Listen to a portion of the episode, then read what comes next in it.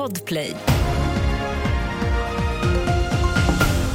Här är senaste nytt från nyheterna. Sydkoreas oppositionsledare Lee Jae-myung höggs svårt i halsen tidigt på morgonen svensk tid när han pratade med journalister på en byggarbetsplats i Busan.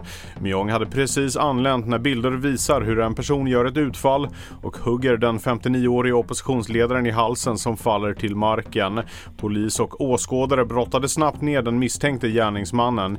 Enligt sydkoreansk polis ska Myungs skador inte vara livshotande. Enligt Ukrainas flygvapen flög missiler mot huvudstaden Kiev på tisdagen kort efter att rikstäckande flyglarm hörts på grund av ett hot från ryska bombplan, rapporterar AFP.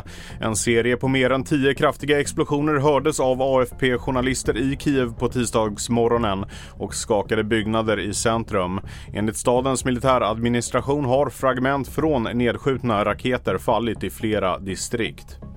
Israels säkerhetsminister Itamar Ben-Gvir vill att invånare i Gaza ska uppmuntras att utvandra till andra länder. Han vill också att israeliska bosättare ska återvända till landremsan, säger han i ett uttalande.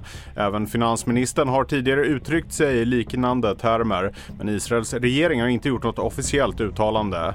Uttalandet kom igår samtidigt som nyhetsbyrån AP rapporterar att Israel för första gången i kriget minskar den militära närvaron i Gaza. Jag heter Felix Bård Bovendal och mer nyheter hittar du på tv4.se.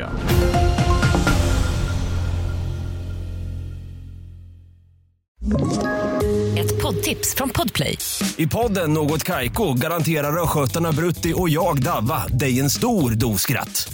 Där följer jag pladask för köttätandet igen. Man är lite som en jävla vampyr. Man har fått lite blodsmak och då måste man ha mer. Udda spaningar, fängslande anekdoter och en och annan arg rant. Jag måste ha mitt kaffe på morgonen för annars är jag ingen trevlig människa. Då är du ingen trevlig människa, punkt. Något Kaiko, hör du på Podplay. Därför är gardinerna.